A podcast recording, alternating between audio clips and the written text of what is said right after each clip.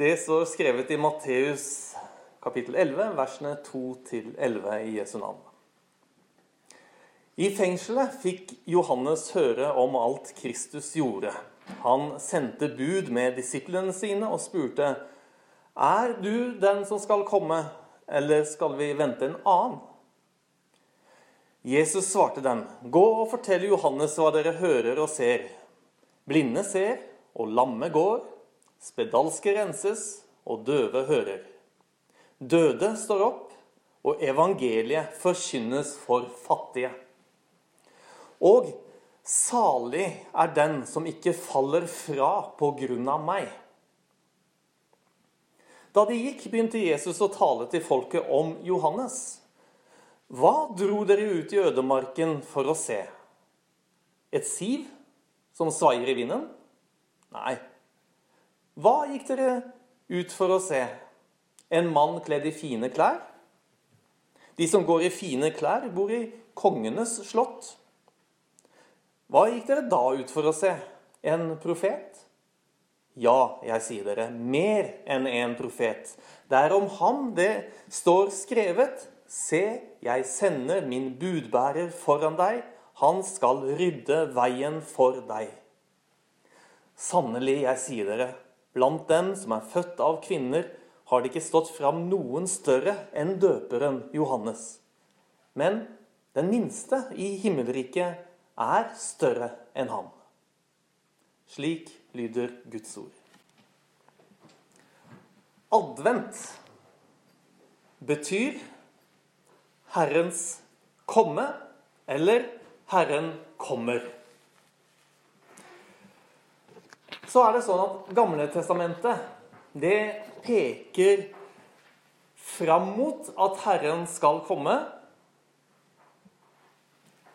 Og Nytestamentet det forteller at Herren har kommet og skal komme igjen. Døperen Johannes han står da i den gammeltestamentlige tradisjonen. Vår tekst står i Matteus 11. Og Johannes sitter i fengsel. Sist gang vi møter Johannes i Matteusevangeliet, er kapittel 3.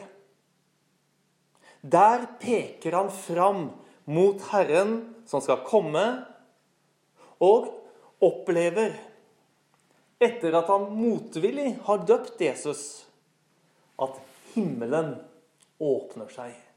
Ånden kommer ned over Jesus som en due, og en røst lyder ifra himmelen. Dette er min sønn, den elskede, som jeg har behag i. I neste kapittel, altså kapittel 4, får vi vite at Johannes er i fengsel. Og Jesus begynner sin forkynnertjeneste. Og så går det altså syv kapitler før vi hører noe mer fra Johannes. Han døper ikke lenger.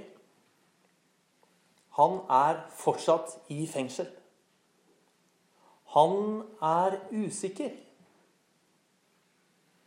Er du den som skal komme, eller skal vi vente en annen? Og usikkerhet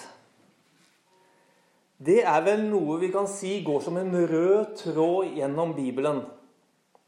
De første menneskene blir usikre når fristeren spør har Gud virkelig sagt.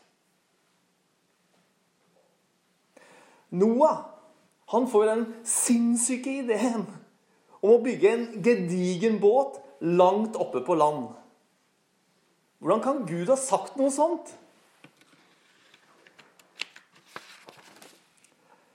Og profetier om Messias, frelseren, de dukker stadig frem gjennom Gamletestamentet. Men når skal det skje? Kommer han i det hele tatt?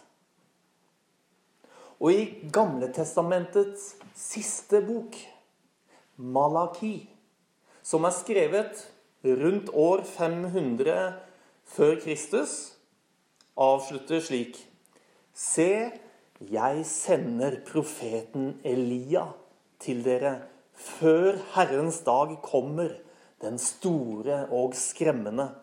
Han skal vende fedrenes hjerter til barna og barnas hjerter til fedrene, så jeg ikke skal komme og slå landet med bann.